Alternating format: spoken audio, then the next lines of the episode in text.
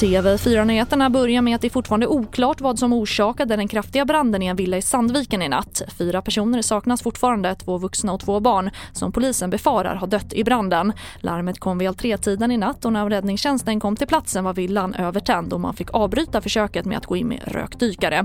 Och tre närliggande hus fick evakueras på grund av spridningsrisken. Och det finns inget som tyder på att senare års ökad fetma bland befolkningen kommer att avta. Det uppger Lena Hansson, utredare på Folkhälsomyndigheten i en intervju med TT.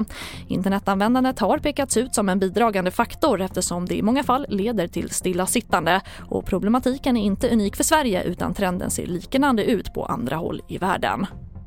Och så har äntligen rymdteleskopet James Webb skjutits upp i rymden för att försöka få bilder på de första galaxerna och stjärnorna i universums begynnelse.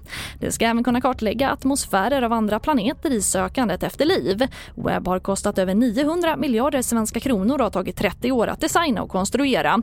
Och det ska ersätta Hubble-teleskopet som efter 31 år i rymden närmar sig slutet av sin livscykel. Och det får också avsluta den här nyhetssändningen. Jag heter Charlotte Hemgren.